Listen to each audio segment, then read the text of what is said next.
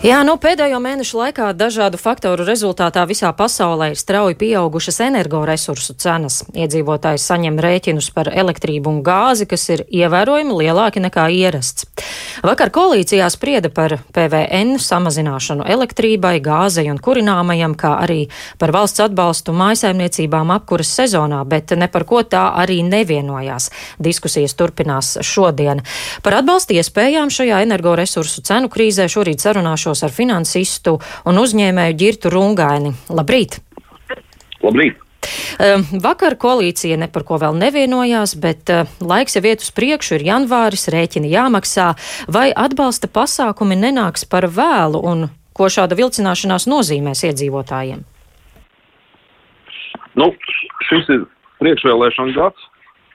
Un uh, es domāju, ka, protams, valdība izdarīs visu iespējamo, lai izskatītos labāk pēc iespējas savu uh, potenciālo balsotāju acīs. Un es domāju, ka lēmums uh, tomēr tiks pieņemts. Un, un uh, kopumā uh, jau tās naudas summas, par ko tiek runāts, PVN samazināšana līdz 5%, respektīvi uh, uh, 78 miljoni apmēram tiek minēts skaitlis respektīvi tās summas nav nepaceļamas un vi, viņas ir pieejamas tieši, nu, saka, naudas izpratnē. Tas, ka tas radīs papildus problēmas budžeta nesabalansētībai, bet vēl 22. gadā Eiropa ir vienojusies pieļaut šo budžeta deficītu, kas saka, palielinājumus salīdzinošos un tā.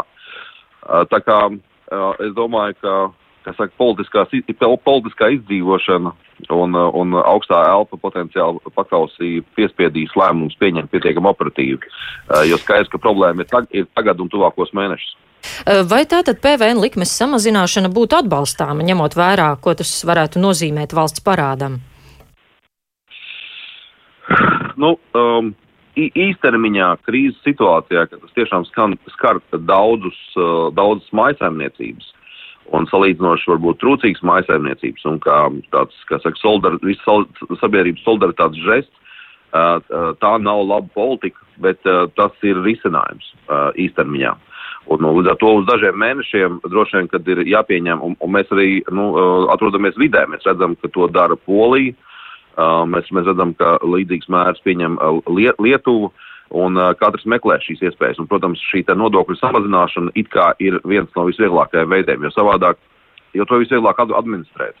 Mm. Jo savā, savādāk, uh, kaut gan arī tur ir, protams, savas problēmas, bet, bet uh, uh, nu, veikt izmaksas, jo faktiski pēc būtības jau ir tā, ka uh, krīzes laikā cilvēku uzkrājumi ir ievērojami pieauguši, jau skatās sabiedrību kopumā. Uh, un protams, da, absolūtajam vairumam uh, ģimeņu un mājasaimniecību tas cenu pieaugums, uh, nu, viņš ir nepatīkams, bet viņš nav nepanesams. Un skaidrs, ka, nu, tā teikt, daudzām ģimenēm, bet, bet ir, protams, pensionāri, ir daudz bērnu ģimenes, ir mastur, masturīgi cilvēki, kuriem tā ir reāla problēma, kuriem viņam tas, kas saka, izdevuma enerģija aizvieto izdevums zālēm vai pārtikai. Mm. Un, uh, un, bet viņus atrast un viņiem uh, tā, samaksāt, protams, pašvaldībām būtu jāzina šie cilvēki, bet, bet ir viedoklis, ka šis mehānisms gan nav strauji reaģējošs. Bet uh, nodokļu samazināšana tā ir strauja reakcija. Protams, ka valstī ir citas iespējas, bet viņas ir mazāk, varbūt, kas saka, politiski patīkams. Ja? Jo, jo skaidrs, ka turpina lielu peļņu un ekstra lielu peļņu gūt, piemēram, Lat Latvijas energo un varētu mēģināt atteikties no uh, no peļņas. Tas nav populāri, un nepadarīs man populāru droši vien Latvijas energo uh, un, un uh, politiķa acīs. Bet, bet uh, šī lieta tomēr tiek politikā vēsturiski uzskatīta par fiskālo telpu faktiski. Nu, tā teikt, Latvijas energo samaksā div, dividendes, un, un šīs dividendes teikt, budžeta ietvaros tiek pārdalītas.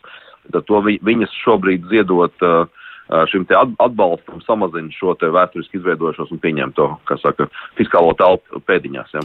Tas būtu apsverami šādā situācijā, bet diez vai tas tiks darīts, jo politiķu vidū šāda ideja nebūtu populāra, cik saprotu. Nu jā. Um, Toties. Um, Jā, nu toties ir izskanējis eh, par tā saucamajiem pabalstiem. Pensionāru federācija, piemēram, aicina izmaksāt vienreizēju pabalstu senioriem 200 eiro apmērā.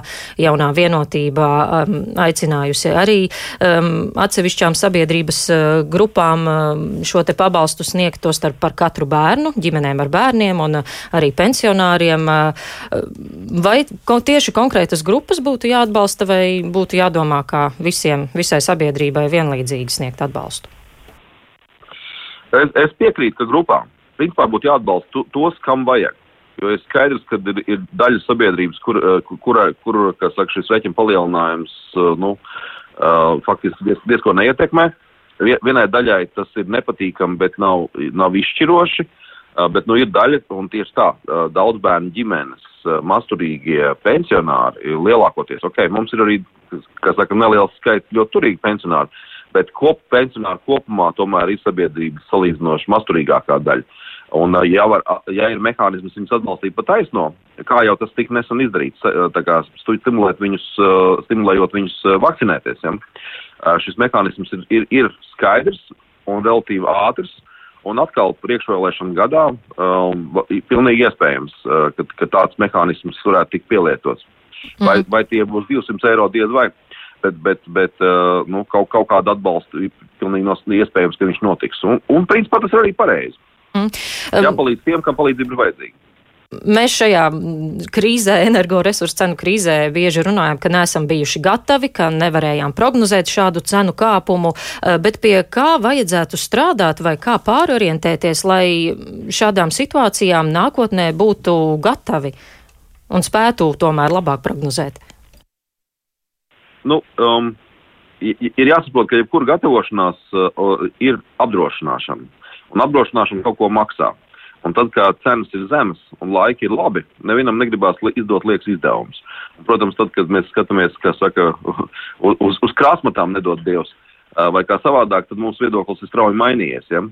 Uh, tā ir, ilg, ir ilgtermiņa politikas jautājums. Un, un uh, ir bijušas dažādas pretrunīgas tendences, kurām mēs esam mēģinājuši sekot. Jo tehniski jau viss ir kārtībā. Mums Inčkalna glabātuvie uh, gāze ir, pie, piegādes notiek, elektrība arī, kā saka, pagaidām uh, netrūks. Problēma ir viņas cenā, bet to cenu nosaka reģionāli un globāli faktori, kurus mēs nevaram diezko ietekmēt. Un tajā brīdī vienkārši mums var būt uzkrājumi vai mehānismi, kur mēs uz laiku atkal mēs jau nevaram to cenu un tās izmaksas novērst. Mēs viņus varam pārvietot lai, lai cilvēkiem būtu, teikt, būtu līganāka šī izmaiņa. Bet kopumā, jebkura gatavošanās krīzē un viņas par paredzēšanu, tā tālāk tikai kopumā paaugstina izmaksas. Bet tas ir jādara, protams. Un, protams, ka tas ir nepopulāri, jo cilvēkiem ir tendence dzīvot vienai, vienai dienai, domāt īstermiņā. Un, un, uh, saka, dažādu iemeslu dēļ lielākajai daļai sabiedrības un, protams, politiķiem ir jāizmanto savs politiskais kapitāls un arī sabiedrībā kopumā ir jābūt, saka, inženieriem un cilvēkiem, kuri spēj padomāt un savukārt politikā ir jābūt cilvēkiem, kuri ir, ir pietiek, nav analfabēti un spēj saprast to, ko viņiem komunikē un, un, un pieņemt tos lēmumus un darīt savu darbu, ar, arī tās nepopulārās lietas, nevis tikai populārās. Tad mums jau visu laiku tas vienādojums ir tāds cilvēki zina, kas ir jādara, bet nezina, kāpēc tam tikt ievēlētiem. Ja? Un, tad, tur, protams, sastāvdaļa ir arī sabiedrības izglītošana, ar ko es domāju, arī mēs šeit šobrīd nodarbojamies. Jā, nu, diemžēl gan jāsaka paldies eh, šajā brīdī. Laiks eh, tūdaļ ziņām sazvanījos ar eh, finansistu Girtu Rungaini.